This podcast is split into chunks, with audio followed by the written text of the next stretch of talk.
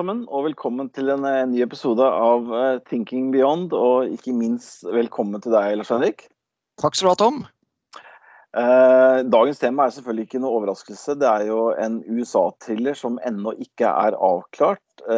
Det skal vi selvfølgelig komme inn, inn på, kjærlighetere. Men som sagt sist, så var det jo dagen etter opptak noen veldig spennende resultater som vi så for oss den torsdagen. Og jeg har lyst til å begynne der, Lars Henrik, med å spørre deg hvilke svar fikk vi forrige torsdag? Ja, Takk for det, Tom. Ja, La oss liksom spole litt tilbake. så har Vi jo snakket om før eh, hvor eh, avgjørende en, eh, bare en håndfull selskaper i SMP 500-indeksen i USA har vært for utviklingen der borte hittil i år. Som har gjort at det hele tatt den indeksen er i pluss hittil i år. Uten disse selskapene så ville den vært i minus. Og Det gjelder jo disse Fang-aksjene, altså Fang M, altså hvis vi utvider også med Microsoft. Og for å ta rapporteringssesongen, Mange av disse leverte tredjekvartalstall forrige torsdag, som du sa, Tom. Og uh, det var jevnt over bra. Uh, så en ting er tallene de kom med, rapporten og hva de sier, det var bra. Men aksjekursutviklingen i etterkant, den må jeg si har vært skuffende. Mm. Ta f.eks. sånn som Amazon. De leverte en knallbra rapport. Virkelig bra. Men er jo, aksjen er jo ned i uken som har gått siden, og betydelig bak markedet. Så Den eneste av disse Fang M-aksjene som virkelig også har levert på aksjekursområdet, det er Alphabet, altså Google. Den er betydelig opp, ca. 8-9% opp siste uken etter en god rapport. Eh, men ikke like bra som Amazon, og allikevel så er det betydelig opp. Så det er vanskelig å lese alt i alt her eh, hva dette vil si. Var forventningene for høye? For jevnt over leverte alle disse selskapene bra. Både altså Netflix og Facebook og, og Google. Og, og eh, den ene som skuffet ganske mye, det var, det var Apple. Og den kursen har også vært litt i minus nå. og Det er rett og slett at de var litt forsinket med denne seneste iPhone 12. Ja, så det, var, det, det er grunnen. Men, men, gode rapporter. Men allikevel er det ikke levert helt på, på aksjekursene i etterkant. Nemlig. Sånn er det. Vi skal også, jeg, jeg har lyst til å komme bitte litt inn på det at den, når jeg går inn og ser på, på tallene, så Oslo Børs eh, kan vi ikke si noe annet enn skuffer. Er, ved utgangen av oktober så er faktisk Oslo Børs ned hele 11% i år. Og, og svakest i Norden, Lars Henrik? Ja, eh, Oslo Børs skiller seg veldig negativt ut eh, i Norden. Eh, I den helt andre enden så ligger jo eh, hovedindeksen i København. Den er jo opp 28 eh, i mm. norske kroner. Så her ser vi altså nesten 40 prosentpoeng eh, ved utgangen av tredje kvartal, altså etter ni måneder i året. 40% forskjell på København-børsen og Oslo-børsen. Mm. Ser vi på Norden-indeksen, den brede indeksen som vi bruker som referanse, altså VINGS i norske kroner, er jo opp 17 så her ser vi altså at Oslo Børs uh, mot Norden er 28 poeng bak. Og det er, det er voldsomt. Mm. Så det, er, det, har vært en veldig stor fordel å være eksponert mot Norden i år. Mm. Og også videre også ut mot globale aksjer i forhold til Oslo Børs. Dette er i samsvar med den anbefaling vi har gitt våre kunder i fem år. Og også i tillegg at vi anbefaler å ligge usikkerhet i valuta altså mm. ligger med åpen valutaeksponering. Det har eh, gavnet avkastningen hittil i år eh, pga. den norske kronen alt i alt er svekket mot en, eh, mot en kurv av internasjonale valutaer. Så vi har på en måte innertier på vår anbefaling i et ellers traust år for norske aksjer, ved at våre kunder som har fulgt vår anbefaling, har positiv avkastning i norske kroner, og faktisk ganske god positiv avkastning. Mm. Du, vi snakket litt om dette forrige at hvis, om det var noen sektorer som som skuffet, eller som, som leverte svakere tall enn ventet. og det har ikke vært, uh, vært, mange selskaper eller sektorer som har skuffet, Lars men det er kanskje én sektor som utmerker seg? Ja, altså hvis vi ser i, Gå tilbake til USA. da, Jeg bruker ofte det som referanse, for der ligger den store SMP 500-indeksen. Eh, som mm. består av alle, Den dekker alle de store sektorene globalt og alle de store selskapene for så vidt, og gir et godt bilde av hvordan tilstanden er for det globale aksjemarkedet. Iallfall her i Vesten. da. Ehm, de vestlige markedet, altså de, de modne eh, økonomier. Og eh, La oss først ta rapporteringssesongen hittil. der eh, her jeg sitter nå, så er det rapportert 364 selskaper av de 500 i indeksen. Så det begynner å bli et ganske representativt utvalg. Og Det vi ser da, Tom, er at det er betraktelig bedre nå i tredje kvartal enn det var i annet kvartal. Men vi er fortsatt betydelig ned i forhold til samme kvartal i fjor. Da er vi ned 8% i dette kvartalet hittil i forhold til tredje kvartal i 2019. Men husk, vi var jo ned 30% på inntjeningen i annet kvartal i forhold til annet kvartal Så det går bedre. Hvis vi ser på om det Aksjemarkedet er jo alltid drevet av, av, av, av forventninger. Altså innfrir man, eller innfrir man ikke. Hittil i år, så, eller i denne rapporteringssesongen, så ser vi at uh, vi har overrasket positivt. Ca. 17% bedre nett profit, altså netto uh, inntjening eller nettoresultat i forhold til forventningene. Så alt i alt har det vært en god rapporteringssesong. Både på, eh, på leverte marginer, for, for, levert omsetning og ikke minst levert nettoresultat fra de selskapene som har levert. Én sektor er det som har kommet som er bak forventningene, og det er ganske mye òg. Det er utilities, altså det vi kan kalle kraftforsyning og vannforsyning og slike ting. Den er eh, betydelig bak. Men det igjen skyldes ett selskap, et stort elektrisitetsselskap som heter Nextera de skuffet med 75% og det ødelegger hele bildet for den sektoren. Så Derfor kan vi konkludere egentlig at ser vi bort fra den, så er alle sektorene foran eh, det man hadde forventet. Så lite skuffelser, Tom. Um, det er vel det vi kan eh, oppsummere. Ja, og, det, og helt enig. Og det, jeg må jo være så ærlig å si at jeg er noe overrasket. For jeg var ganske trygg på at når vi kom inn i, inn i denne kvartalsrapporten, så var det, som vi snakket om før også, høye forventninger. Og jeg, jeg så, så, for at falløyden skulle være ganske stor da, for noen av sektorene, men uh, der tok jeg feil. Ja, og Tom, jeg har bare lyst til å nevne, Når jeg nevnte det at vi er overrasket på sånn som omsetning for indeksen, så er det bl.a. at vi ser at uh, det er en veldig høy vekst eh, innenfor det som heter varige goder. Altså consumer discretionary.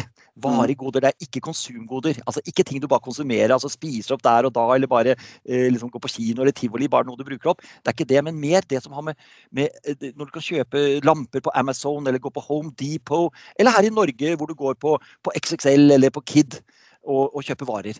Det er mm. varige goder. Der er omsetningsveksten veldig veldig høy. Og det har noe nok med at folk har endret sitt, sitt, sitt forbruksmønster nå ved at man er mer hjemme. Du investerer mer i, mer i, hus og hjem, og litt mm. mindre på restauranter og på ferier og, og slike ting. Så Derfor ser vi at eh, det, er, eh, det var knalltall også for XXL eh, når de leverte for en, en ukes tid siden, og Kid interiør. Bare som to eksempler. ikke sant? Mm. Så det er eh, dette, dette mønsteret vi ser i USA, det ser vi også på en del eh, tilsvarende aksjer i Norge. Så var det bl.a. Europris som leverte helt fantastiske tall. Ja, eh, Her har kursen bedre enn XXL. Den, den, har jo hatt en dårlig kursutvikling i etterkant. Litt rart, for det var en veldig bra rapport. Men igjen går det på kanskje at forventningene kanskje var skrudd for mye opp. Og selv å levere en god rapport er ikke nok. Nemlig. Du, da du snakket om dette med at folk sitter hjemme. Det, det kan vi opplyse kjære lyttere om. at Vi også, vi sitter på Teams eh, i dag. Eh, jeg tror nok kanskje det blir bare med denne gangen at vi gjør det. Men uansett, hvis, eh, hvis det er noe, noe, om det, så det, sitter vi hjemme hele gjengen. Kona mi sitter på kjøkkenet og, og, og, sitter på Teams. Og du og jeg sitter på Teams på Du sitter i kjelleren, Lars Henrik. Jeg sitter i stua. Ja. det funker bra. Du, det funker bra. Eh, jeg sitter med TV-en på her med USA-valget. Ting er jo ikke avklart. Vi skal da over, eh, kjære lyttere, på eh, den delen av sendingen hvor vi skal snakke om USA-valget. Og du sa det jo litt spøkefullt forrige uke, Lars Henrik, at antageligvis så kommer vi ikke til å ha noe avklaring. Og dæven, der hadde du rett. Her er jo ingenting avgjort. Nei, og det som fikk meg til å si det den gang, Tom, var at uh, det er st så stort innslag i så mange uh, viktige stater med disse uh, poststemmene, forestemmer, hvor det er en del stater som har regler om at det først skal telles opp fra den dagen valget er, altså valgdagen, og dagene deretter. Og Det fikk meg til å tro at høyst sannsynlig vil det være uavklart når vi sitter dagen etter valget, altså i dag. Altså, så vi har fått den situasjonen, og den er utrolig spennende. Og her vi sitter nå, så er det uavklart. Ikke bare selve presidentvalget, men også for så vidt for hele, for hele um, Kongressen. Vi vet jo at en tredel av senatorene er på valg, og hele repres repres repres Representantenes hus. Altså det er 435 i Representantenes hus. Der skal vi altså ha 218 eh, representanter for å ha flertallet. Og Senatet, selvfølgelig. Og der er det akkurat nå, de siste tallene, ligger det 47-47 på, på, disse senatorene. Så her er det helt uavklart eh, hvem blir eh, det 50 i Senatet, sånn at det faktisk er visepresidenten sin stemme som vil, som vil være eh, det, det, det, avgjørende på vektskålen her. ikke sant? Vi vet jo det at visepresidenten har det ved, ved stemmelikhet eller ved, ved, et totalt delt senat. så er det visepresidenten som går inn og bruker sin stemme. Så, og, og, så her er det helt uavklart hvordan, dels hvem som blir president, men også hvordan blir handlingsrommet til den som blir president. Altså via, via da eh, hvordan blir sammensetningen i Kongressen. Begge kamrene, la oss kalle oss det. Så dette her er Vi vet mer om noen, eh, noen, noen dager, Tom. Eh, det vi da med helt sikkert vet, er at dette er et veldig splittet folk. Veldig splittet land. Og uansett hva som skjer nå i de siste statene på fintellingen, så er det ikke noe sterkt mandat til noen av presidentene, uansett fra folket. Det er veldig splittet. Den som har mest grunn til å være skuffet i forhold til meningsmålingene, er jo, er jo, er jo Biden og Harris. Eh, det er blitt mye, mye, De har ikke fått Det ble jo ikke noe landslide her. Det ble ikke noe sånn brakvalg som noen snakket om og noen meningsmålinger tyder på. Det er det ikke i det hele tatt. Om det er bra eller dårlig? Eh, det er vel egentlig dårlig. Eh, det ville vært best hvis en av kandidatene fikk, en, fikk et, et, sterkt mandat eller en, en, stor oppbacking i ryggen. Det får vi ikke her sånn. Du, eh, og Det er vel litt av det, det jeg tenkte neste spørsmål handler om. dette med om Er det noe vi kan konkludere med? Og Det, det vi kan konkludere med, er at interessen rundt valget har vært nesten rekordstort. Vi ser at det er ikke vært flere som har gått og stemt siden 1990.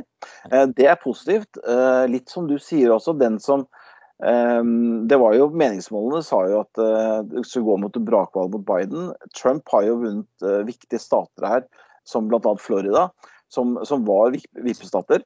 Sånn at ja, har vunnet ganske massivt òg. Ja. Tre prosentpoeng foran, som pluss-minus. Det, det, det, er ganske, det er stort, det er godt valgresultat i Florida. Og der var ingen av meningsmålingene var på det nivået. Nei, og det, De stemmene du snakker om, de, de poststemmene, der snakkes det jo nå veldig om at uh, i de tre vippestatene som, som, kan bli avgjørende, er jo da Wisconsin, eh, Michigan og Pennsylvania, hvor uh, Trump nå leder med knappest mulig margin. Det er veldig lite. Men så snakkes det da om at republikanerne har en historie om å være mye flinkere til å forhåndsstemme, og disse poststemmene har historisk sett da vært uh, Eh, mest Demokratene, mener du? Ja, en, eh, det er de som, eh, de som har størst innslag i, i forestemmene. Og det er, hvorfor, det er, hvordan man registrerer seg. Når man ber om å få lov til å gjøre poststemming, så må du også registrere hvilket parti du tilhører. Og da ser man, Nå sier ikke det nødvendigvis hvem du til slutt stemmer, men man ser på de som har bedt om å få lov til å levere poststemmer, så er det stor overvekt av demokratiske eh, til, tilhengere. Så Derfor er det man antyder, og man ser det også i opptellingen, at det ser ut til å være et stort innslag av, av demokratene i poststemmene. Nå skal det også sies at Poststemmene er levert inn da før valget, eller noen dager i forveien forveien, eller uker i forveien, mens, eh, mens eh, Trump gjorde det åpenbart bedre helt inn mot valgdagen hvor han eh, åpenbart hadde en par gode dager med ekstremt hva vi kan kalle det vellykket, iallfall entusiastiske valgmøter på mange steder. Mm. Og det har gitt resultater. For å, for å snakke bitte litt om hvordan markedet har reagert i det korte ja. bildet, så så vi jo det at Trump, Først gikk jo Biden ut og, og snakket, snakket, om at uh, ja, Nærmest sa at han trodde han, trodde han, skulle vinne. Så kom jo Trump ut og var veldig, veldig hard på retorikken sin om at han ville gå til Supreme Court og, og nekte for disse stemmene. Og så førte det at vi så en ganske kraftig reaksjon i, i indeksene i USA, som så ut som var i USA fra å gå til en positiv åpning til nå åpne negativ. Så eh, markedene blir usikre, og den Trump-talen Lars Henrik, den, den, har blitt tolket litt negativt av markedet. Han, og man frykter jo nå faktisk at man kanskje også skal kunne se noen demonstrasjoner. og Vi har sett allerede nå at i, i Oregon ser jeg på TV-en her at vi, vi snakker om litt eh, eh, flaggbrenning etc. Så det er fortsatt usikkerhet der. Ja, vi skal ikke, uh, først vil jeg si Tom, vi har ikke noe mening om hvem som blir president eller ikke. Vi prøver å bare nå tolke situasjonen. Mm. Og, uh, og, men det er klart vi så en viss nervøsitet i markedet når vi åpnet her i dag, i dag tidlig. Og det var basert på disse uttalelsene. Når du begynner å blande inn altså, begrep og liksom true med dette med, med high court, altså med høyesterett og slike ting, som skal, som skal, som skal prøve ut om hvilke regler som skal brukes, f.eks. da med forhåndsstemmene og poststemmene i, i, i Pennsylvania, det mm. er, det er, noe som markedet ikke liker. Så vi så at eh, da gikk eh, future-kursene ned. Nå har det, nå det ordna seg litt i etterkant, Tom, så jeg vil si her og nå så har vi et ganske sånn eh, svakt utslag. altså Det har ikke blitt noe drama i det hele tatt. Selv om vi har den uavklarte situasjonen i USA, så har markedet notert det veldig bra. Både rentemarkedet og aksjemarkedet. Så ingen dramatikk som man kunne frykte. Derimot, du nevner det selv. Det er litt antydning til opprør forskjellige steder i USA. Jeg vil ikke dramatisere det heller, men det er, det er et veldig splittet folk. Og uh, hvor dette ender hen, det vet vi ikke, Tom. Så dette er en, jeg bruker ordet at det er litt sånn dramatisk hva vi ser, for det er veldig uavklart. Men aksjemarkedene håndterer det bra. Du, vi skal snakke litt om dette, Lars Henrik. Du, du, sitter jo ansvarlig for aksjeavdelingen i formuesforvaltning og ansvarlig for, for mange milliarder. Eh, hvordan ser du for deg at de neste dagene blir for deg? Blir, kommer du til å gjøre noen endringer, tror du? Eller kan du fortelle litt om det? Nei, her må vi skille på altså, hva er det vi driver med her. Vi driver med bredt sammensatte porteføljer.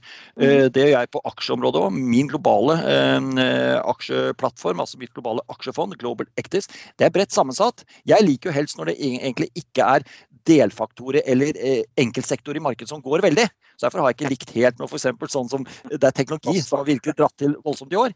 Så mm. jeg er godt posisjonert for uansett eh, på en måte hva som skjer her, sånn, og gjør ingen taktiske tilpasninger eh, etter å spekulere i om det blir Biden eller Trump eller hva som skjer. Min portefølje har levd bra med det markedet vi har, og lever også bra. Jeg skal prøve å gjøre det bra uansett hvordan markedet gjør, gjør det, så skal jeg ta min del av markedsavkastning på en fornuftig måte. Ehm, det som er spennende, det er å se om vi får en reaksjon i markedet à la den vi fikk i fjerde kvartal 2016 etter valget. Hvor vi så at det åpenbart ble et fokus på verdiaksjene. For det at man hadde tiltro til at disse finansielle stimulipakkene som Trump da snakket om, skulle slå til med full kraft i økonomien. Og Derfor mm. så vi at bank gikk, og råvarer og industriselskaper. Det er det som kan være spennende nå, å se om vi kan få en samme effekt. Spesielt i år hvor det nettopp er disse her vekstaksjene som har gjort det så utrolig bra i mm. forhold til verdiaksjene. Kanskje vi kan få et lite comeback nå. At markedet kan, kan ha fokus på nettopp på bankaksjer, på industriaksjer, de mer sånn tung, gammel industri, mm. og syklisk og sykliske råvarer. Det er det som vi kanskje kan vente. og Det vil, eh, det vil passe meg for utmerket, det òg, for vi har innslag av forvaltere som er posisjonert mot den type aksjer også. Så, så dette er det eneste jeg syns er litt spennende å se på nå de neste ukene, om vi får en sektorrotasjon bort litt fra det som har dratt markedet utrolig i år, altså disse typisk vekstaksjene og vekstfaktorene. Mm. Og da, som er veldig gjenspeilt med det vi snakket om disse Fang M-aksjene og hele Nasdaq og USA-markedet i år. Nemlig. Bra, nå svarte du faktisk på mitt neste spørsmål, som var Så bra, da. sektorrotasjon. Eh, Lars Henrik.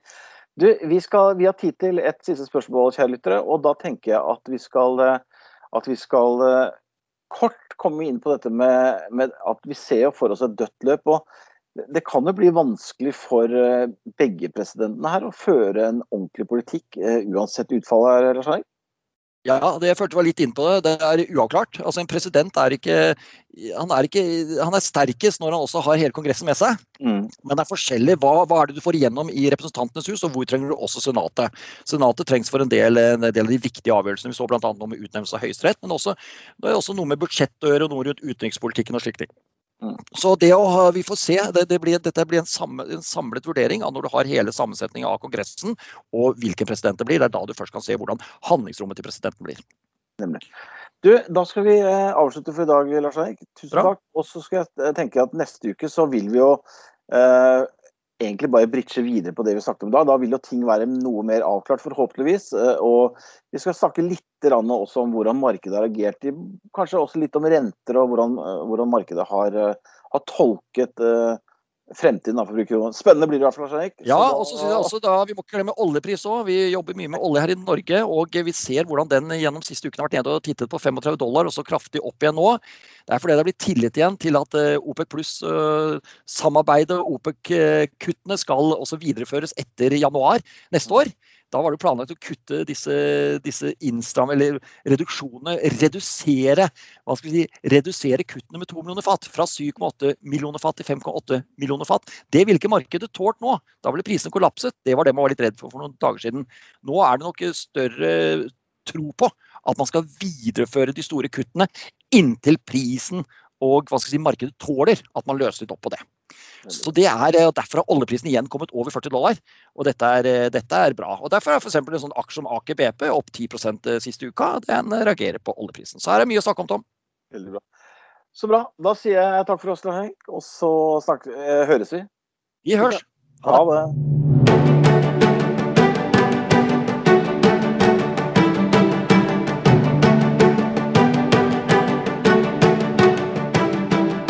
Du har hørt på Thinking Beyond en podkast fra Formuesforvaltning.